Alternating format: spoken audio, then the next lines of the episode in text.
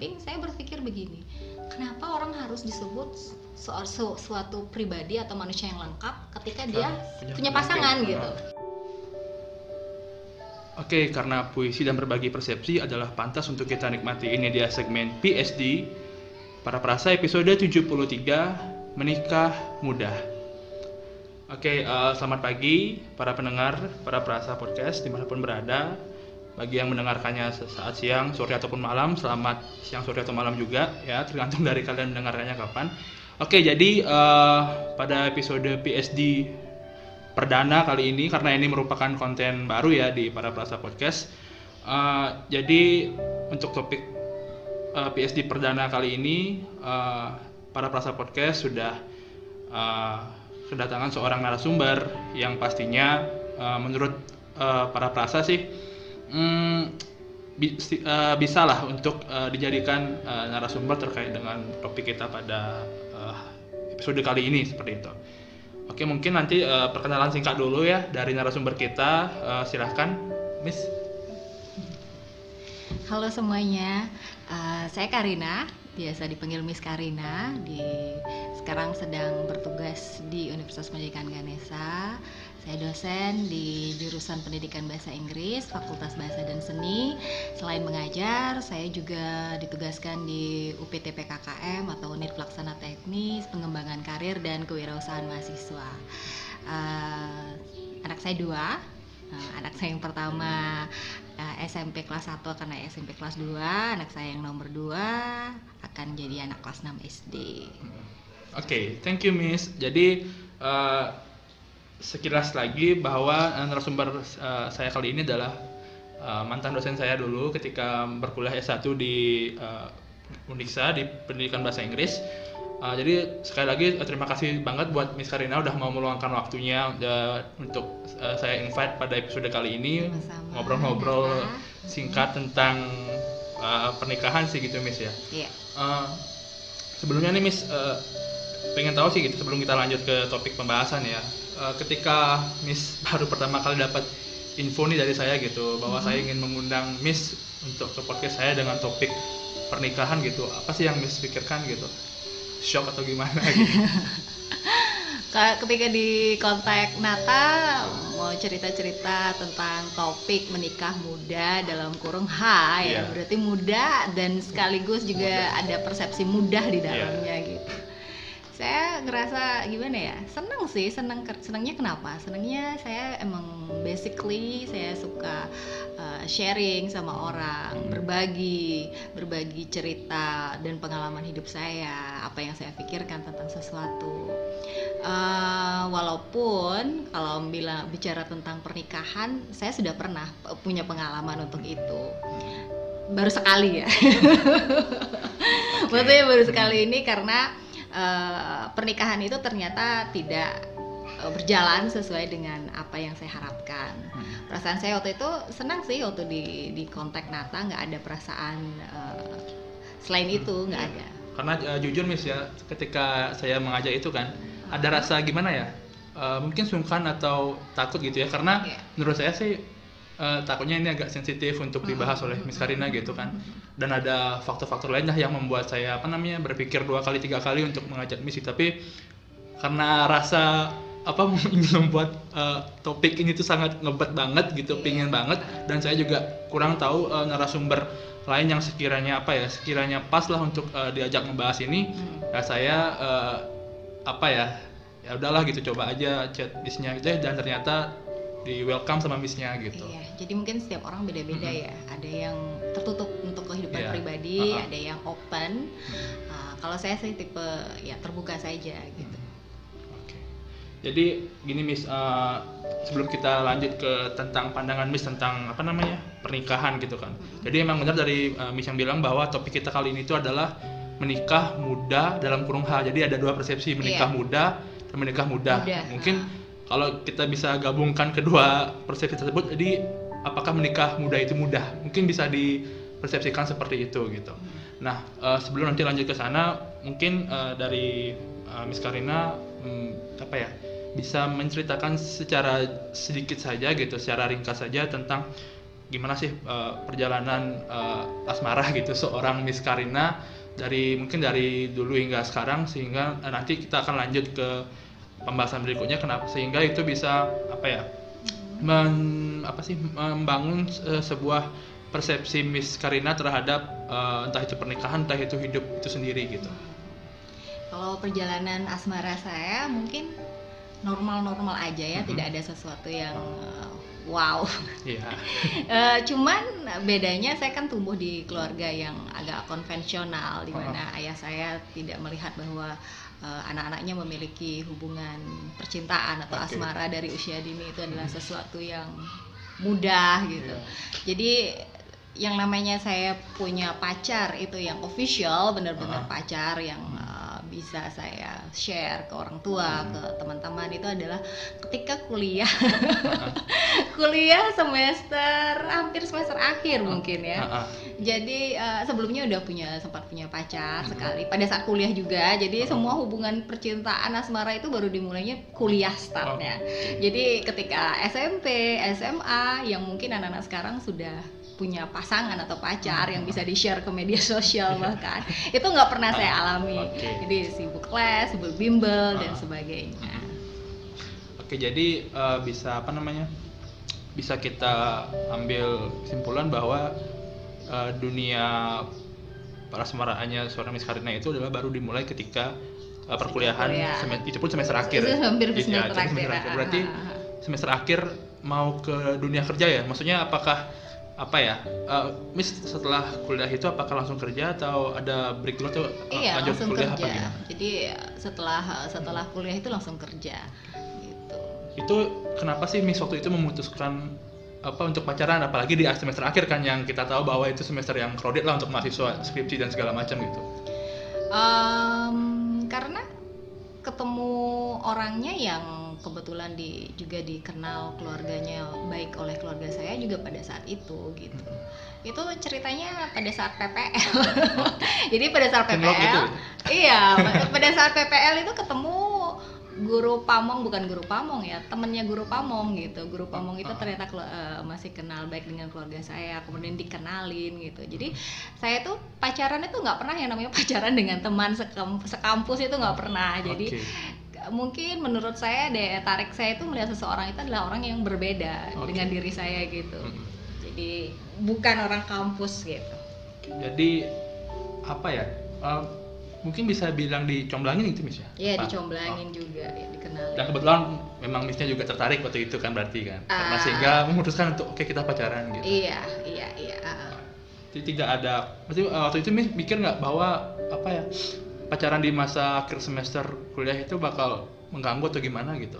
Uh, enggak juga sih karena kebetulan kan yang saya ajak berpacaran itu usianya uh, tidak terlalu jauh sih jauh uh, lumayan jauh di atas saya. Jadi dia itu hmm. kayak lebih tua lagi beberapa tahun dari saya. Dia juga sedang waktu itu sedang S2 dan malah dia banyak mensupport saya untuk uh, bimbingan kemudian menyelesaikan uh, skripsi saya Nah, uh, oke, okay.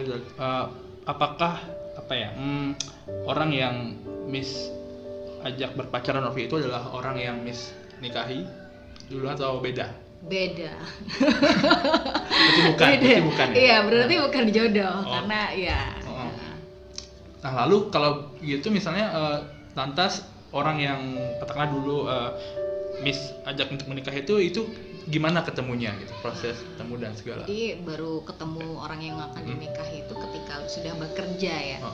sudah bekerja itu jadi lucu ya. Jadi lucunya adalah uh, saya itu di SMS uh, SMS ya? Saya itu lupa masih sih. SMS SMS ya uh, eh, SMS itu apa BBM ya? Saya lupa. SMS kalau nggak salah jadi uh, dia dapat nomor saya dari siapa entah siapa gitu. Terus saya juga nggak tahu dia siapa. Mungkin ini namanya perjalanan jodoh ya.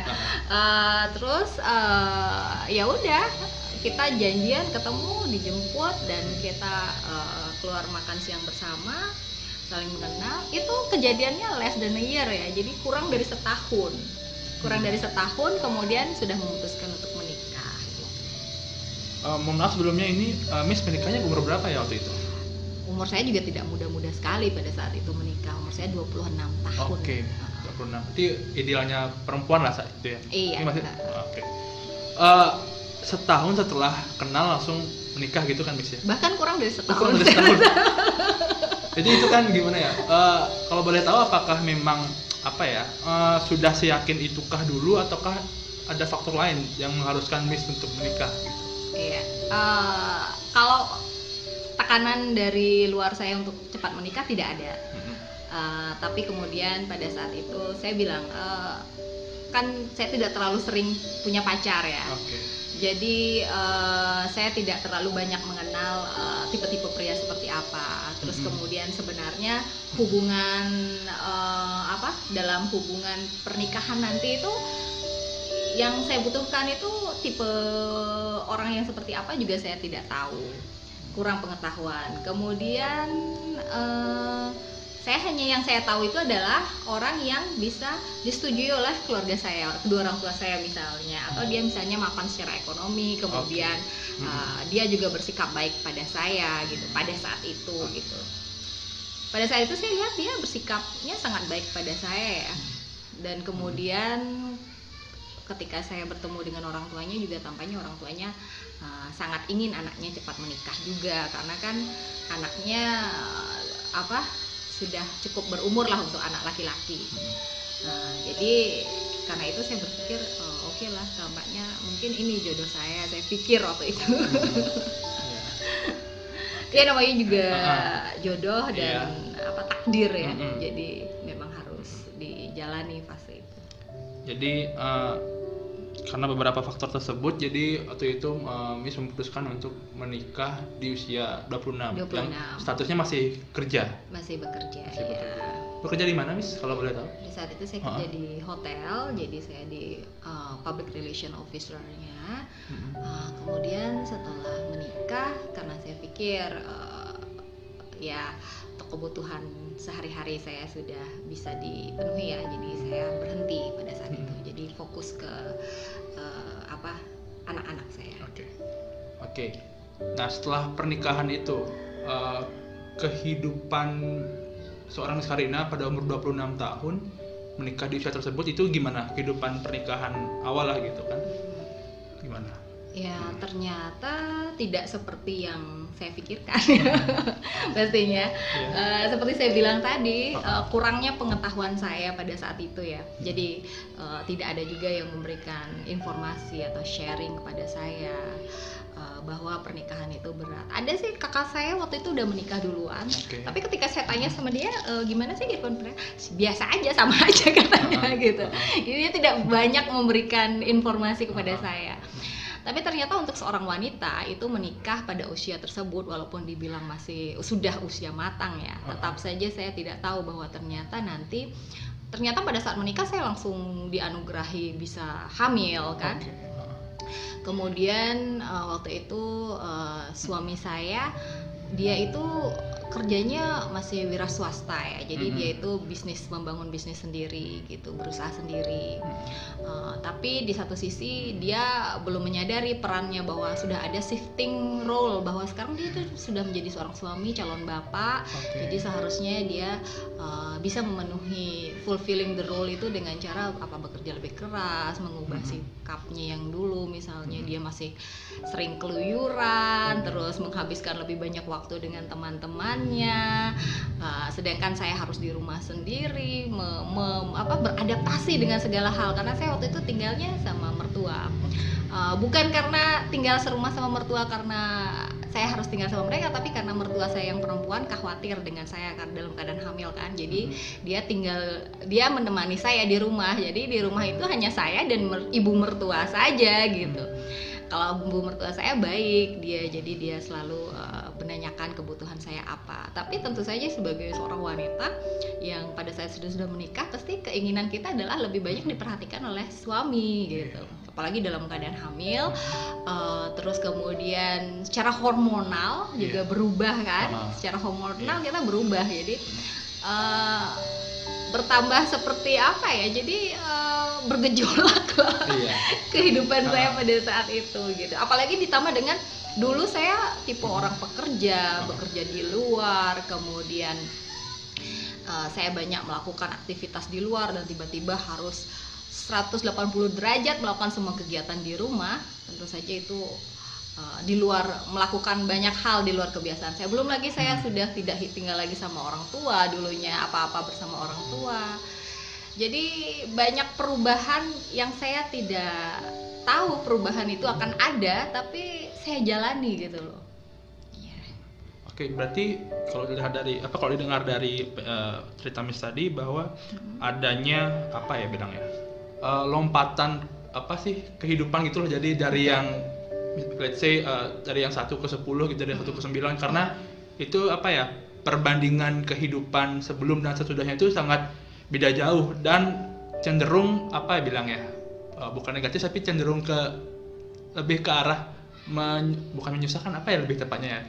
Bukan maksudnya itu tidak seharusnya miss maksudnya Iya, eh, miss bisa lebih baik gitu. ah, ya. iya. Kemudian juga ditambah dengan ini apa eh, selain shifting the role juga kan eh, kemudian ternyata karakter yang Hmm. saya saya kira adalah karakter dia ah. pada saat berpacaran itu Mhm. ternyata berbeda jauh ketika berumah tangga gitu Oke. dan setelah saya sering renungi setelah itu baru saya berpikir bahwa sebenarnya ya pasangan kita itu sudah memberikan sinyal-sinyal Ah. karakter dia itu seperti apa cuman kita kurang peka melihatnya ketika Dan- masa pacaran iya Ah. ketika masa pacaran nah itu baru kelihatan ketika eh, pernikahan terjadi gitu baru kita bisa melihat ternyata Oh ternyata karakter aslinya seperti ini yang namanya pacaran itu benar bahwa semua yang manis-manis itu Iya. terjadi pada saat kita baru melihat eh, karakter dia sesungguhnya itu pada Mhm. saat pernikahan gitu.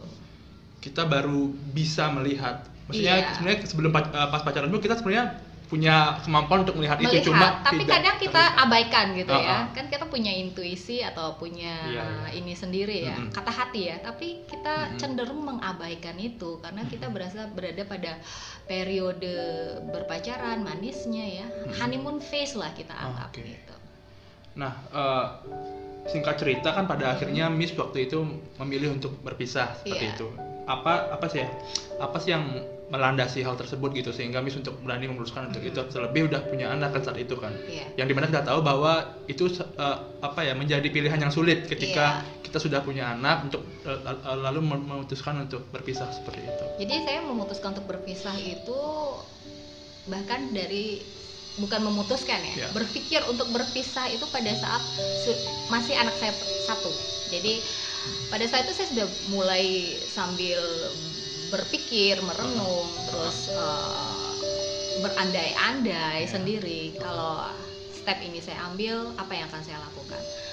Nah, kemudian hamillah saya anak kedua dan saya berpikir mungkin mungkin kalau saya berikan satu kesempatan lagi eh, mungkin kalau saya punya anak lagi mungkinkah keadaan atau situasi akan berubah gitu.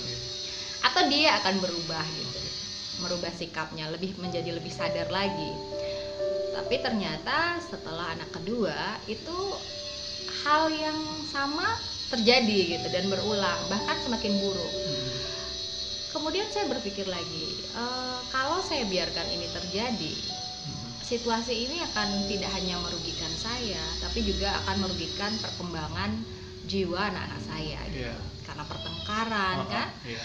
eh, dan sebagainya dan juga tidak baik untuk saya Hmm. apalagi kemudian eh, tidak hanya terjadi hal-hal yang perbedaan yang eh, apa semakin parah tapi juga mulai men- mengarah ke yang namanya verbal abuse kemudian physical abuse saya berpikir gini eh, tidak kenapa kalau misalnya nanti saya eh, secara sosial misalnya akan tercederai dengan status saya yang baru yang Oke. mungkin bagi orang banyak itu apa Masih iya tabu gitu Miss. masih tabu bagi Uh-uh. orang tapi yang penting saya safe dulu deh gitu saya selamat dulu dari kehidupan yang seperti ini gitu Nah, eh, ap- maksudnya itu pasti eh, membutuhkan juga pertimbangan dari keluarga besar kan. iya Nah saat itu gimana sih eh, pendapat keluarga besar gitu terkait dengan apa yang Miss pikirkan gitu untuk Ya. melakukan tersebut gitu. Tentu saja apalagi yang saya ceritakan tadi Ah. orang tua saya apalagi ayah saya adalah tipe orang yang konvensional ini kan sesuatu yang sangat susah ya. Ah, tapi kalau kita setiap hari memberikan bukti bahwa eh, ini loh yang terjadi kepada saya. Oke. Ini yang terjadi kepada eh, anak ibu dan bapak ketika orang tua mana sih yang ingin anaknya akan disakiti kan nggak ada. Jadi lama kelamaan terutama ibu saya terconvincing dengan bukti-bukti yang saya bawa ke rumah jadi eh, akhirnya Ya. akhirnya ya mereka menyetujui ayah saya sih masih tidak mengatakan bahwa setuju Uh-uh. tapi ibu saya eh, sebagai seorang ibu mungkin Iya. ya kan itu naluri Uh-uh. seorang ibu untuk melindungi anaknya selalu itu yang eh, menguatkan saya untuk eh, mengambil jalan jalur hukum Oke. Eh, kalau boleh tahu itu apa ya? Ketika Miss berpisah itu umur berapa? Usia berapa? usia sekarang umur saya berarti eh, mungkin sekitar 30 29 30 ya Berarti kurang lebih ada rentan 3 sampai 4 tahun ya iya uh-uh. eh, masa pernikahannya seperti Oh, eh, kalau nggak salah ketika ketika ini diambil keputusan itu di pengadilan itu hampir wedding anniversary yang ketujuh. Berarti ya ya hampir yang ketujuh ya ya ya. Berarti ya berarti kurang lebih eh, tiga tiga tiga ya tiga tigaan ya. Ah, ah, tiga-tiga ya. Oke.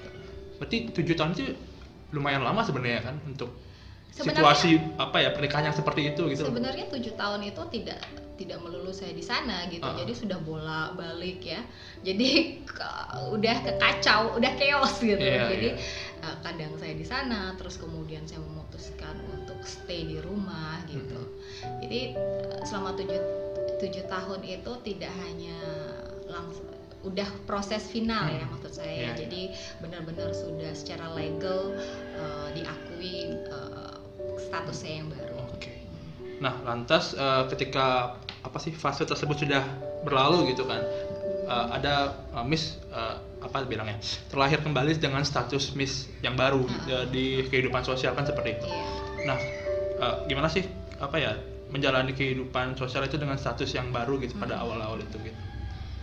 Uh, baiknya adalah uh, saya kan punya sahabat dekat yang tahu dari awal sampai Iya. akhir bahkan Ah. teman-teman dekat saya dua orang di kampus juga dosen Ah. juga di bahasa Ah. Inggris itu Oke. menemani saya sebagai saksi bahkan Oke. pada saat proses persidangan Mm. karena mereka juga menyaksikan uh, bagaimana saya diperlakukan gitu Oke. jadi walaupun saya tidak bicara ketika orang-orang itu kan kadang kan malu kalau langsung nanya ke saya ya. jadi mereka langsung nanyanya ke teman saya dan teman saya itu yang mengklarifikasi apa yang terjadi.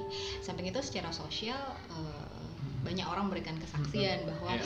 eh, kenapa kamu bisa eh, apa eh, involve Mm-mm. bersama pria ini gitu. Padahal saya tahu dia seperti apa. Jadi banyak orang yang melihat secara nyata. Jadi tanpa saya ngomong eh, mereka sudah tahu keadaannya Oke. seperti apa gitu dari serangkaian apa ya eh, kehidupan pernikahan tadi dari yang eh, apa namanya pra menikah, Hmm. menikah dan pasca itu tentunya apa ya eh, Miss eh, juga terlahir dengan pemikiran atau sudut pandang baru terhadap hidup itu sendiri terhadap pernikahan itu sendiri gitu. Mm. Nah, apa sih pemikiran yang terlahir setelah eh, pasca menikah itu di, eh, di, di- apa bagi seorang Miss Karina gitu? Hmm, banyak sekali ya terutama kekuatan Oke. saya tidak tahu bahwa saya bisa sekuat itu sampai saya sudah selesai gitu Uh-uh. mengalami itu. Saya teman saya, sahabat saya eh, tanya, wah kamu kuat sekali kalau saya tidak bisa membayangkan kalau saya berada pada situasi seperti kamu, saya tidak akan bisa sekuat itu. gitu. Apalagi menghadapi situasi pandangan orang-orang seperti Iya. itu ya. Eh, pa- sebagai pihak wanita itu biasanya orang lebih banyak menjudge semua kesalahan itu berada pada wanita pasti dan banyak yang terkena impact negatif setelah itu adalah pada pihak wanita dibandingkan pria ya. Em, kemudian kalau hal-hal lain yang selain itu juga saya berpikir gini. Eh, salah satunya ya saya berpikir bahwa ternyata seorang anak itu jangan dikekang masalah pacaran ya Oh, Maksudnya gini, eh, pacaran itu ternyata berguna loh. Kenapa berguna? Pacaran itu adalah simulasi latihan. Kita mengenal banyak eh, Karakter. karakter ya. Bahkan kalau misalnya orang bilang orang eh, banyak mantannya itu buruk menurut saya malah orang yang banyak mantannya itu bagus tergantung eh, bagaimana putusnya kan gitu ya apa gimana Iya, maksudnya gini, tergantung bagaimana dia menjalani ketika punya hubungan dengan Ah, seseorang. iya. Sepanjang ketika kita memiliki hubungan dengan seseorang pada koridor yang benar gitu, Ah, ah. tidak melulu masalah seksual misalnya. Masa setiap punya pacar harus berhubungan seksual misalnya. Hmm, hmm, Menurut saya itu bagus gitu. Semakin kita banyak mengenal pria atau mengenal wanita, kalau Ah. dari sudut pria itu bagus. Kita semakin mengenal karakter kita. Satu, kita mengenal diri kita dari orang lain. Kan kadang kita kalau disuruh mendefine diri sendiri itu dengan cara merenung sendiri, kadang kita nggak bisa. Tapi kita mengetahui diri kita itu siapa itu dari tanggapan orang lain. Atau ketika orang melakukan sesuatu kita merasa tidak suka gitu ya, merasa tidak bahagia gitu. Oh Ya, ya. ternyata saya orangnya tidak suka kalau diperlakukan seperti ini misalnya. Terus kedua, em, ketika orang lain bersikap A kepada kita, kita tahu oh saya ternyata suka kalau ada orang memperlakukan saya seperti ini. Begitu cara kita mendefine diri sendiri dari punya hubungan dengan seseorang. berarti eh, apa namanya kita define dulu kebahagiaan menurut kita itu apa Iya. baru kita apa bilangnya temukan temu- ya temukan itu di eh, pasangan kita apakah itu bisa membuat kita nyaman atau bahagia gitu mis ya Iya betul. Jadi maksudnya begini, Mm-mm. ketika kita ingin menjalin hubungan dengan seseorang, apalagi memutuskan untuk berkomitmen dengan orang tersebut Oke. untuk sepanjang hidup kita, Mm-mm. carilah orang yang kita tidak bicara tentang kelebihan ya, oke karena ketika kita bicara tentang kelebihan, Mm-mm. setiap orang bisa me- me- menerima itu. Mm-mm. Tapi ketika ti- kita bicara tentang kekurangan, nah di sini kita harus tahu Hmm. eh, sampai batas mana kita bisa mentoleransi. Jadi carilah orang yang punya kekurangan yang bisa kita tolerir kekurangan itu gitu. Kekurangannya itu bisa kita toleransi gitu. Selain kualitas-kualitas yang Hmm. memang kita cari dari pribadi seseorang. Oke. Nah ini s- kalau boleh apa namanya? Eh, saya kan juga punya beberapa apa ya baru-baru ini sih gitu punya beberapa hmm, pemikiran terkait tentang pernikahan gitu mis ya. Hmm. Eh, di mana salah satunya itu adalah eh, ini jadi ketika kita pacaran itu katakanlah kita dekat dengan eh, seseorang gitu kan. Nah cara untuk eh, apa namanya mengetahui apakah dia mungkin eh, kelak akan cocok dengan kita atau tidak gitu kan.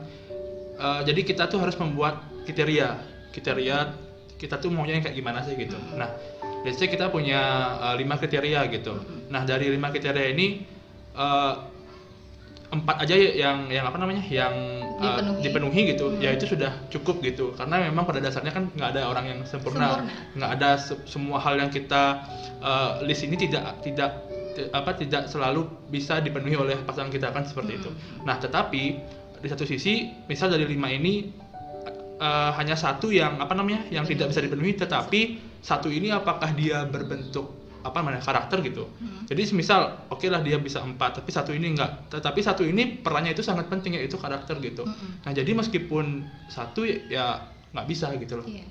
Ya ketika kita mem- membuat kriteria membuat kriteria Ah. itu harus ya. Maksudnya kita apa pun ya namanya kan harus planning ya, mem- merencanakan sesuatu. Ya. Eh, tapi ingat juga bahwa kriteria itu harus punya fleksibilitas juga. Oke. Maksudnya fleksibilitas gini, eh iya walaupun dia tidak misalnya kamu seorang wanita dia calon suami saya harus S2 misalnya seperti Oke. itu. Terus ada fleksibilitas, oke walaupun dia S2, tidak S2, dia hanya tamatan S1, tapi walaupun tamatan S1 dia seorang pekerja keras, terus jiwa kreativitasnya tinggi Ah. gitu. Terus dia sebenarnya intelijen juga, cuman kenapa dia nggak S2 mungkin karena kesempatan aja belum punya Oke. gitu. Jadi harus ada fleksibilitas di ya. dalam. Hmm. Nah, eh, oke jadi kenapa sih eh, flashback eh, flashback sedikit kenapa sih eh, s- saya eh, mengangkat topik ini kan gitu Miss ya? Hmm. Karena memang eh, apa ya? eh, akhir-akhir ini eh, terlepas dari memang musim menikah kan gitu Miss ya. Ada Jadi tren ya. iya, eh, memang saya lihat eh, beberapa teman khususnya gitu teman Hmm. saya memang eh, pada pada akhirnya mereka menikah gitu kan menikah muda lah umur umur sekitaran saya mungkin ada yang lebih kuliah ada yang saat kuliah ada kuliah, uh, yang yang sekarang juga ada yang dari segi umur kan kategorinya masih muda, kan ya. iya ha. masih ada yang uh, mungkin baru yang lulus kuliah belum Iya. kerja ataupun ada yang baru banget bekerja seperti Iya. itu nah uh, kalau dari menurut Miss sendiri menikah muda itu apakah uh, mudah dilakukan gitu loh? Maksudnya uh, dari berbagai faktor ya maksudnya faktor uh, apa namanya uh, kesiapan secara mental kesiapan secara finansial dan sebagainya gitu. Berdasarkan pengalaman Miss gitu menikah di yang menikah di usia 26 gitu. Eh, mudah? Saya nggak bisa jawab mudah atau tidak mudah ya. Ah, ah. Kembali seperti yang eh, Nata bilang tadi. Mm-mm. banyak hal yang harus diperhitungkan atau disiapkan ketika akan menikah Ah, ah. yang pertama pasti finansial itu pasti. Eh, finansial eh, jadi kemapanan kemapam, kemapanan ekonomi itu mau tidak mau itu harus Iya. diperhitungkan juga. Hmm. Eh, terus kemudian yang kedua adalah mental. Sudah seberapa jauh kamu paham tentang pernikahan itu sendiri atau kehidupan pasca menikah Eh, kemudian banyak orang yang berpikir eh, saya nggak mau menikah sebelum membahagiakan orang tua gitu kan Oke, iya. siapa tahu dengan menikah justru kamu bisa membahagiakan orang tuamu gitu Iya. kan karena kamu bisa punya cucu eh, memberikan mereka cucu gitu itu kan suatu kebahagiaan yang bentuk kebahagiaan yang lain selain bekerja dulu kemudian dari uang hasil bekerja itu kamu berikan ke orang Iya. tua gitu Eh, saya tidak pernah menjudge mahasiswa saya yang menikah duluan pada saat sedang skripsi atau sedang masih semester awal misalnya. Mungkin saja jodohnya memang datang pada saat itu ya. Ketika kita bicara tentang hal-hal bersifat spiritual, kita tidak bisa me- menghindari yang namanya jodoh dari Tuhan.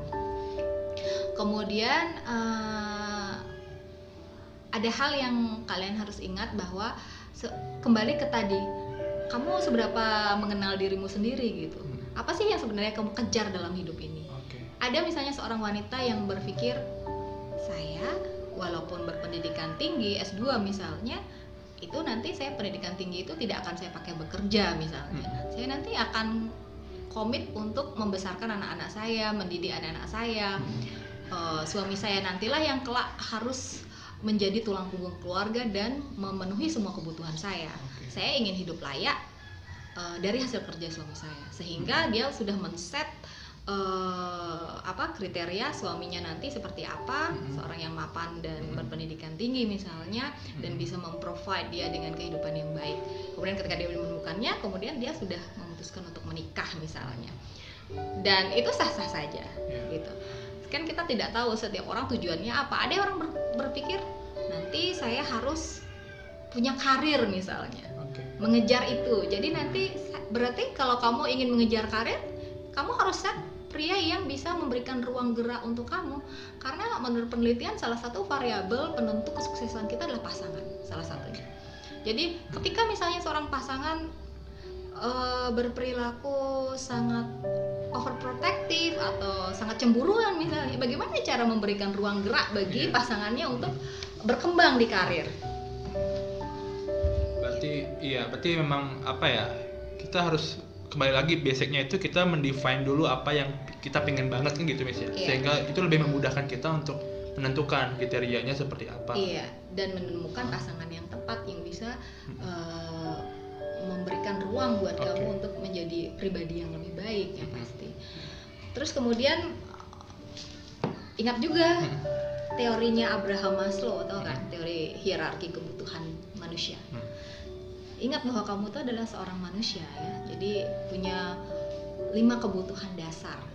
Satu, yang pertama itu fisiologis. Fisiologis kan kebutuhan pangan ya, makan, minum gitu. Apakah kebutuhan itu akan bisa terpenuhi setelah menikah? Itu yang pertama. Hierarki kebutuhan kedua Hmm. adalah rasa aman. Apakah rasa aman itu bisa kamu dapatkan setelah menikah? Hmm.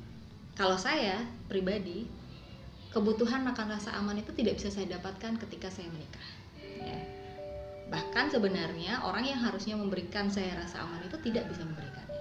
Ketiga adalah kebutuhan akan kasih sayang. Ya, apakah kasih sayang itu bisa kamu dapatkan? Maka dari itu tidak tidak heran kalau misalnya orang yang mengejar hierarki pada kebutuhan materi saja misalnya tanpa mendapatkan kebutuhan hierarki kebutuhan lain menurut Abraham Maslow itu yang kasih sayang itu maka pernikahannya saya rasa juga tidak akan menuju pada kebahagiaan kemudian setelah kasih sayang adalah kebutuhan akan eh, penghargaan dari orang lain. Hmm. Jangankan dari orang lain, dari pasangan sendiri. Apakah kamu mendapatkan eh, pengharga rasa dihargai itu dari pasangan kamu? Kemudian kebutuhan terakhir adalah kebutuhan akan eh, pengakuan, ya self existence. Itu sebabnya orang kaya begitu semua kebutuhannya terpenuhi, Ya. dia akan terjun ke politik misalnya, karena Iya. ingin mendapatkan itu gitu. Eksistensi. Eksistensi itu yang kan dia ingin dapatkan. Iya. Jadi ada banyak sekali sebenarnya yang harus apa ya di di apa sih dipelajari gitu dipahami Hmm. terkait dengan uh, pasangan ataupun pernikahan itu sendiri gitu dan memang ada apa ya ada ilmunya dan kalau memang ingin dipelajari ya seharusnya apa ya itu bisa kita pelajari jauh-jauh hari kan gitu biar Iya. apa pernikahan itu uh, harapannya adalah menjadi pernikahan yang uh, lancar am- apa namanya uh, damai lah seperti itu Betul. sampai akhir nanti gitu Oh iya, saya ingin berbagi. Oke. Jadi saya sering kali misalnya orang bertanya, "Eh, ya ibu sudah menikah atau gimana? Oh, saya sudah berpisah misalnya saya bilang gitu. Orang-orang Oke. selalu bilang, aduh maaf gitu ya.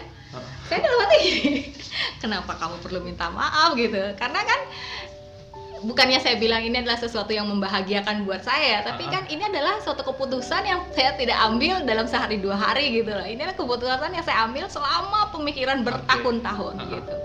Jadi kalau saya bilang saya saya minta maaf, saya merasa itu bukan sesuatu yang harus di ini kan disesali gitu Hmm. menurut saya. Jadi itu sudah menjadi bagian dari pelajaran hidup yang malah bisa membuat saya menjadi orang yang lebih baik sekarang. Dan saya malah bersyukur karena dari pernikahan itu saya punya dua orang anak kan. oke iya ya Tidak semua orang bisa mendapatkan eh, kepercayaan dari Tuhan untuk iya mendapatkan anak gitu. Mm-mm. Bahkan beberapa teman saya yang punya pemikiran lebih liberal lagi ya, Uh-uh. mereka berpikir gimana caranya bisa punya anak tanpa menikah gitu kan? Karena itu, itu saking takutnya menikah atau gimana Iya, karena saking sudah banyak melihat em, kegagalan-kegagalan Ah, orang iya. ya kita kegagalan dalam tanda petik Mm-mm. gitu. Uh, nah tadi uh, s- ada uh, satu apa namanya satu poin yang saya tertarik sih dengan apa namanya uh, perkataan dari Miss Karina tentang uh, apa namanya mm, menikah seperti itu tadi uh, contoh apa yang sharing tadi gitu. Uh, saya juga apa ya uh, ingin uh, berbagi sih gitu bahwa apa ya uh, menikah itu gimana bilangnya hmm, apakah dia harus maksudnya uh, menikah itu apakah harus saling melengkapi atau tidak gitu. Karena menurut saya pribadi sih uh, itu bukan tanggung jawab pasangan kita untuk melengkapi kita itu adalah tanggung jawab kita sendiri gitu untuk melengkapi diri kita untuk menjadi layak sebagai seorang suami atau istri seperti itu. Dari Miss gimana? Iya, makanya ketika dibilang dia ingin mencari seseorang untuk membuat dia bahagia itu salah sebenarnya. Dia harus menjadi pribadi yang berbahagia dulu gitu. Ketika dia sudah menjadi pribadi berbahagia, maka dia akan secara law of attraction ya, dia akan menarik pribadi-pribadi yang berbahagia juga gitu. Jangan pernah menggantungkan kebahagiaan pada di, pada orang lain gitu. Maksudnya kalau saya bersama dia baru saya bahagia. Kalau dia melakukan ini baru saya bahagia gitu. Jadi menurut saya ya memang kamu harus menjadikan ka- diri kamu pribadi yang lengkap dan berbahagia dulu, baru kamu uh, bisa mencari orang yang uh, yang kamu inginkan gitu loh. Setuju sama Hmm, omongannya iya, iya. tadi? Nah lalu uh, ini uh, apa namanya sambil kita lanjut ke uh, topik beberapa statement yang apa namanya yang ada di masyarakat tentang pernikah gitu misalnya yang tadi sudah uh, saya sebutkan tentang apa namanya menikah itu apakah saling melengkapi atau tidak seperti itu. Nah lalu selanjutnya apakah penting untuk kita memiliki target usia menikah Miss? menurut Miss gimana? Target usia ya. Iya, apakah penting gitu atau let it flow aja gitu? kalau ternyata target itu nantinya akan membebani hidup kita ya sebaiknya tidak gitu ya. Tapi kalau target itu dipakai untuk semangat ya, maksudnya karena saya menargetkan diri untuk menikah di usia 25 tahun, Ah. sekarang usia saya adalah 20 misalnya, Iya. maka itu akan memberikan semangat untuk saya untuk meraih mimpi-mimpi saya segera gitu. Karena saya ingin menjadi eh, apa saya ingin sudah punya A B C ketika saya menikah nanti gitu jadi uh, sepanjang memasang target itu membuat kamu menjadi pribadi yang lebih bersemangat yang bergairah untuk mencapai uh, apa yang kamu cita-citakan ya saya rasa bagus itu dipakai untuk motivasi. Tapi kalau itu hanya akan membuat kamu tertekan gitu. Iya iya. Ya sebaiknya uh, ya let, let it flow aja. Karena juga kadang kan kembali lagi pada jodoh kita nggak tahu kita akan dipertemukan pada jodoh kita di usia berapa gitu. Iya. Nah, ngomongin masalah usia juga nih, kalau kita bicara masalah let it flow gitu Miss ya, ada, mungkin ada beberapa orang yang memang dia uh, fokusnya tidak untuk saat ini tuh uh, tidak pada menikah seperti itu. Mungkin ada yang fokus ke karir dulu atau studi, uh, studi atau apalah yang dia impikan gitu.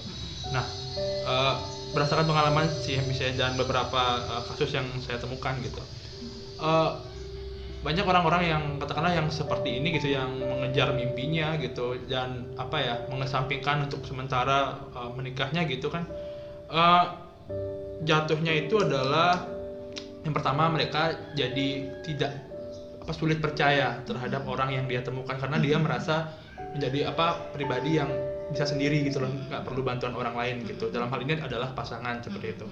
Nah yang kedua uh, yang pertama tidak percaya yang kedua uh, apa ya merasa apa sih uh, dia tuh kayak nggak uh, dia berpikir bahwa ketika punya pasangan itu itu akan menghambat apa yang dia impikan gitu. Jadi uh, bisa dikatakan bahwa dalam beberapa kasus itu orang-orang yang di masa mudanya itu berfokus dan mengesampingkan gitu. Jadi kan beda nih antara kita ada orang yang planningnya oh uh, dari slow aja gitu atau menikah umur sekian tapi sekarang aku mau fokus ini untuk bisa apa ya uh, setidaknya ketika sampai di tahap itu aku jadi orang yang baik. Tapi emang ada yang fokusnya ke karir gitu tapi dia emang mengesampingkan ini nomor Ya, sekian gitu ya. nah kasus yang seperti ini itu menurut saya sih agak uh, apa namanya sedikit uh, Ekstrim. ekstrim ya dan sebenarnya itu men- bisa menjadi bumerang bagi diri mereka tapi mereka nggak sadar gitu Ya. kalau dari Miss uh, terhadap kasus yang demikian itu gimana? Misal ada teman-teman nih atau pendengar yang mungkin merasa saat ini dia tuh kayak "Ya udahlah nikah apa sih gitu, aku fokus ini aja gitu. Mm-mm. Mungkin saya rasa karena menemukan orang yang tepat satu, yang kedua juga mungkin dia ada sedikit persepsi yang katakanlah negatif ya terhadap yang namanya perkawinan. Seperti yang Nata bilang bahwa pernikahan bisa menghambat karir Iya. atau bisa menghambat kinerja dia nanti Oh, gitu ya. Eh, ya sebaiknya kalau misalnya orang-orang seperti itu ya banyak-banyaklah bergaul dengan teman-teman seusia yang Mhm. ternyata sudah berumah tangga. Siapa tahu dari cerita-cerita mereka kita jadi kepengen kan Iya, iya. misalnya ketika mereka bercerita tentang betapa lucu-lucunya anak mereka atau eh, mereka menghabiskan quality time bersama keluarga atau misalnya ketika dia kita pergi bareng mereka mereka bawa anak-anak dan kadang juga involve di family gathering yang mereka lakukan. Kita bisa melihat gambaran bahwa oh ternyata kehidupan eh, berkeluarga itu tidak seperti yang aku pikirkan Hmm. gitu atau misalnya teman-teman yang bisa jalan sama-sama karirnya oke di rumah juga manajemen keluarganya baik gitu kan itu kecerdasan seseorang kan tidak melulu masalah akademis ya Iya. ada juga orang yang cerdas manajemen eh, waktu keluarga antara keluarga dan karir Mm-mm. Oke, jadi eh, tergantung dari pribadi tersebut apakah dia mampu apa ya eh, bagus secara apa namanya intelektual, maksudnya bagus secara emosi apa mengatur emosional, mengatur Hmm. manajemen waktu dan sebagainya. Nggak melulu soal apa namanya intelektual eh, cara kita apa ya me- apa sih dari segi pendidikan lah seperti itu kan gitu. Nah, em, Kalau saya setiap- pribadi dibilang setelah saya berpisah, terus apa saya memutuskan menjadi trauma gitu? Ah, Tidak akan. iya. Saya tidak gitu. Jadi Iya, saya iya. sifatnya orangnya open gitu. Maksudnya eh, kalau untuk sementara ini saya sudah cukup puas dengan eh, apa yang saya kerjakan gitu dengan anak-anak saya. Jadi kebetulan anak-anak saya juga bersama saya kan Iya. keduanya. Jadi selain single eh, juga saya bekerja, juga saya bersama anak-anak gitu. Jadi eh, kalau dibilang apakah kamu tidak or- banyak orang bertanya, kamu buka tidak merasa kurang ya, kurang lengkap rasanya tanpa pendamping. Saya berpikir begini, kenapa orang harus disebut soal su- suatu pribadi atau manusia yang lengkap ketika dia punya punya pasangan Ah. gitu. Jadi saya tidak menyalahkan juga orang-orang yang berpikir bahwa saya ini adalah pribadi atau manusia lengkap dengan atau tanpa pasangan. Oke. Oke, eh, kembali ke cerita Miss tadi. Mm. eh, Lantas bagaimana Miss dengan kan eh, tadi Miss merasa sudah cukup eh, dengan ataupun tidak dengan pasangan Mm, gitu. mm. Nah, dan sekarang kan kondisinya Miss eh, sedang tidak dengan pasangan. Mm. Nah, kalau boleh tahu nih bagaimana eh, apa ya anak-anak Miss gitu menanggapi kenyataan ini kayak gitu. Saya Bagaimana Miss memberitahu mereka? seperti? Iya. Kok mereka tanpa diberitahu sudah tahu ya Ah, ah. kenapa saya bisa berpisah karena mereka witnessing gitu loh melihat banyak orang bertanya kamu nggak kasihan sama anak-anak kamu? Kenapa kamu mengambil keputusan seperti ini? Saya justru kasihan kalau saya tidak mengambil keputusan ini. Kenapa? Karena kalau saya biarkan anak-anak saya berlarut-larut dengan situasi kondisi di rumah seperti itu itu kan mengganggu mental mereka. Sekarang dengan situasi yang lebih kondusif di mana dia tenang bersama saya gitu tanpa melihat drama-drama kehidupan. Mm-mm. saya pernah eh, dan mereka tahu oh iya saya ingat ini yang dilakukan ayah saya ibu tapi kemudian saya menjelaskan lagi mengklarifikasi. Jadi agar tidak terjadi kesalahan persepsi. Bagaimanapun juga ayah mereka adalah orang yang harus mereka hargai dan hormati sebagai orang tua.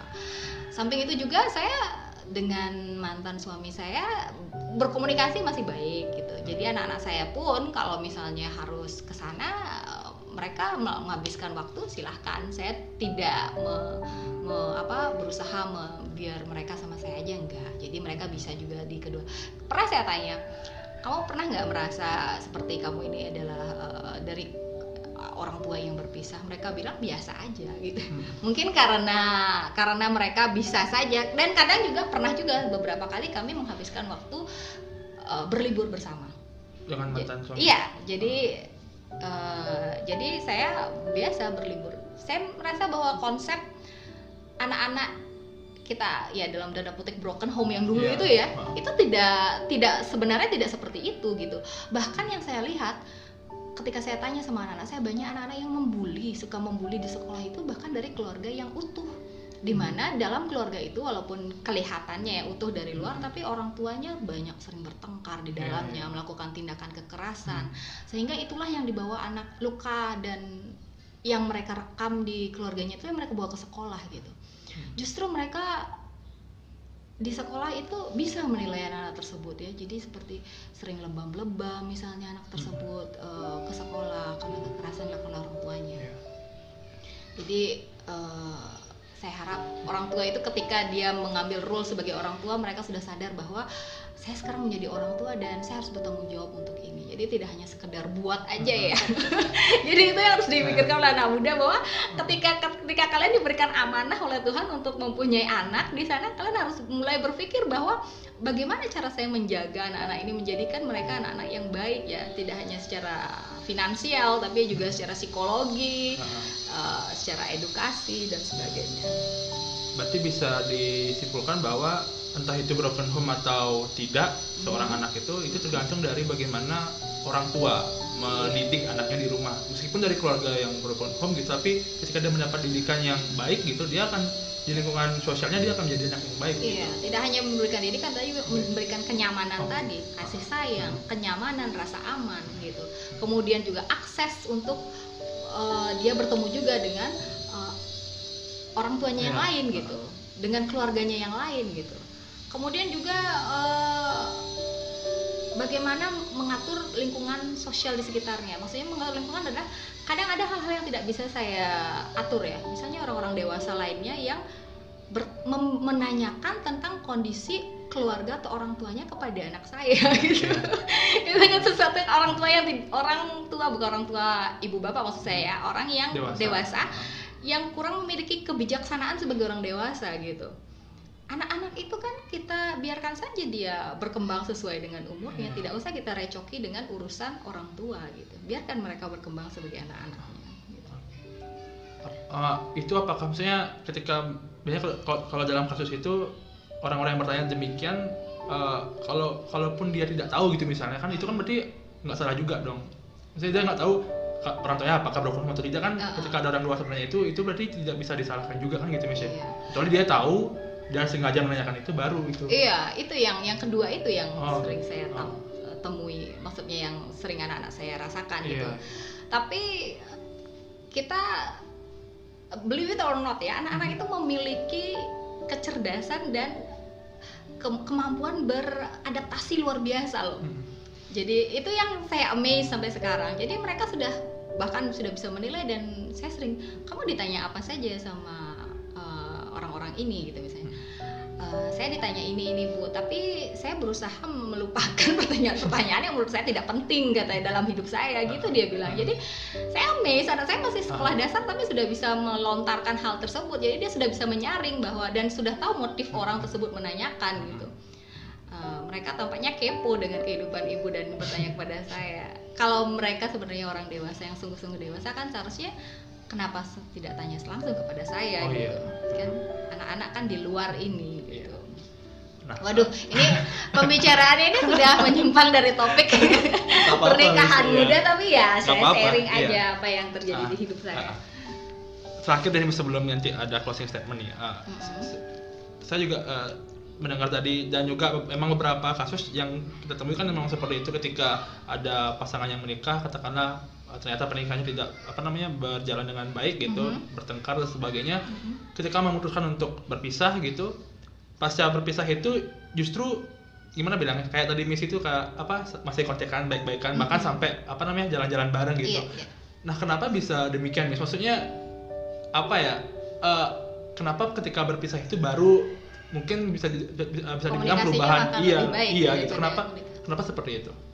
Iya, karena ketika dalam pernikahan kan banyak sekali harapan-harapan ya. Heeh. Eh, apa yang idealisme sih- setiap orang punya idealisme maksudnya pasangan kita juga punya idealisme ketika ketika menikah seharusnya dia punya idealisme seorang wanita atau istri itu harus melakukan A B C D. Dan mungkin saya sendiri tidak bisa fulfilling itu gitu. Begitu juga saya di pihak saya sebagai seorang wanita atau istri pada saat itu saya sudah punya idealisme atau gambaran ideal seorang pria atau suami itu seharusnya A B C D E Iya, dan iya. dia tidak bisa juga memenuhi itu tapi ketika kita sudah tidak berada dalam ikatan itu, idealisme itu tentu sudah tidak bisa kita paksakan pada pasangan kita kan.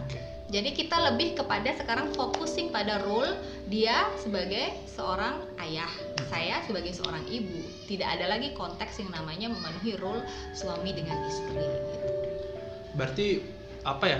The power of status itu sangat apa bilangnya keras sekali gitu ya. Maksudnya berpengaruh sekali dalam hubungan apa namanya eh, antara eh, pria dan wanita dalam hubungan pernikahan. Jadi ada status pernikahan sehingga dia melahirkan ekspektasi-ekspektasi atau harapan-harapan gitu ya. Mm-mm. Nah, ekspektasi-ekspektasi harapan itulah yang seharusnya ya dikomunikasikan sebelum menikah gitu. Iya. Sehingga jangan jangan berharap bahwa pasangan kita nanti itu sudah tahu gitu. Mm-mm. ah nanti aja dia udah tahu sendiri jangan berharap bahwa dia tahu sendiri manusia itu mana bisa tahu sendiri tentang apa yang diharapkan oleh pasangannya. Jadi itu yang harus eh, dikomunikasikan. Jadi yang harus dipikirkan juga bahwa girlfriend or boyfriend material itu belum tentu bisa jadi husband or wife material. Jadi itu beda gitu. Ternyata seorang pacar yang baik itu belum tentu bisa jadi suami yang baik gitu. Bisa saja ketika dia jadi pacar dia tidak terlalu wow buat kita tapi ternyata dia tuh husband material gitu. Jadi ternyata ketika dinikahi dia bisa menjadi suami yang luar biasa gitu Oke. Sangat deep sekali ya tadi. Cantik apa ya Uh-uh. tentang husband dan boyfriend material gitu. Oke, terakhir deh gitu karena ini udah berapa menitnya kalau boleh tahu. Ah, 53. Wow, hampir sejam ya. Ah, Oke, terakhir deh eh, dari Miss Karina, narasumber kita pada episode kali ini closing statementnya terhadap eh, topik kita yaitu menikah muda dan menikah mudah gitu. Ter- de- eh, eh, apa namanya untuk para pendengar yang mungkin sekarang eh, teman-teman eh, pendengar para perasa mungkin ada yang kepikiran mau nikah lagi dua tahun atau lagi apa namanya lagi sekian tahun yang masih muda gitu. Saran Miss eh, untuk mereka gimana? Oke, dari pembicaraan kita saya tidak eh, tidak sedang promote ya, maksudnya tidak mempromosikan bahwa eh, udah nikah nikah aja nanti kalau nggak cocok ya udah cerai, enggak ya. Jadi itu Iya, kan iya. based on my Iya, iya. experience ya. Ah. Eh, tapi kalau saya bisa bilang tidak perlu takut kalau memang ingin menikah muda. Ya sebenarnya tidak takut juga kalau memang sudah memutuskan ya. Maksudnya itu sudah harus ketetapan hati gitu. Uh, yang penting kamu tahu apa yang kamu inginkan atau yang kamu harapkan dari uh, pernikahan itu dan kalian sudah menjadi tim yang hebat atau cocok pada saat pacaran dan sudah banyak berkomunikasi kemudian uh, menikah itu tidak sama dengan last ya uh, be friend sebelum menikah ya be friend karena ketika kamu menjadi teman sahabat punya komunikasi yang sangat luar biasa dengan pasangan kamu, saya yakin kamu akan jadi tim yang hebat ketika menikah nanti. Oke. Jadi uh, terlepas dari menikah muda atau menikah tua, mm-hmm. Kuncinya adalah selama pernikahan itu tidak dipaksakan, tidak atas dasar terpaksa itu ketika kamu yakin dan pasanganmu yakin gitu dan ketika kalian udah mengenal satu sama lain dengan apa dengan baik gitu, ya udah nikah aja gitu Miss ya. Intinya komunikasi. Iya. Oke. Okay. Oke, okay, uh, eh, terima kasih Miss Karina atas waktu yang telah diberikan selama kurang lebih sejam ini. Dan makasih banget buat para pendengar yang sudah uh, mendengar uh, podcast episode kali ini. Dan semoga nanti uh, harapannya sih uh, apa ya banyak ilmu yang bisa kita dapat dari uh, episode, uh, episode kali ini. Dan juga sekali lagi mohon maaf nih kalau ada salah-salah kata Miss ya dari saya uh-huh. dari Miss Karina juga. Mohon maaf bagi mungkin ada beberapa pihak pendengar yang mungkin tersinggung atau gimana gitu tersentil gitu uh, dengan omongan kami. Kami mohon maaf dan sekali lagi uh, kami ucapkan terima kasih dan sampai jumpa nanti di episode uh, eh, PSD podcast para prasa yang berikutnya. Emma Kusuma and Simon says snap your fingers.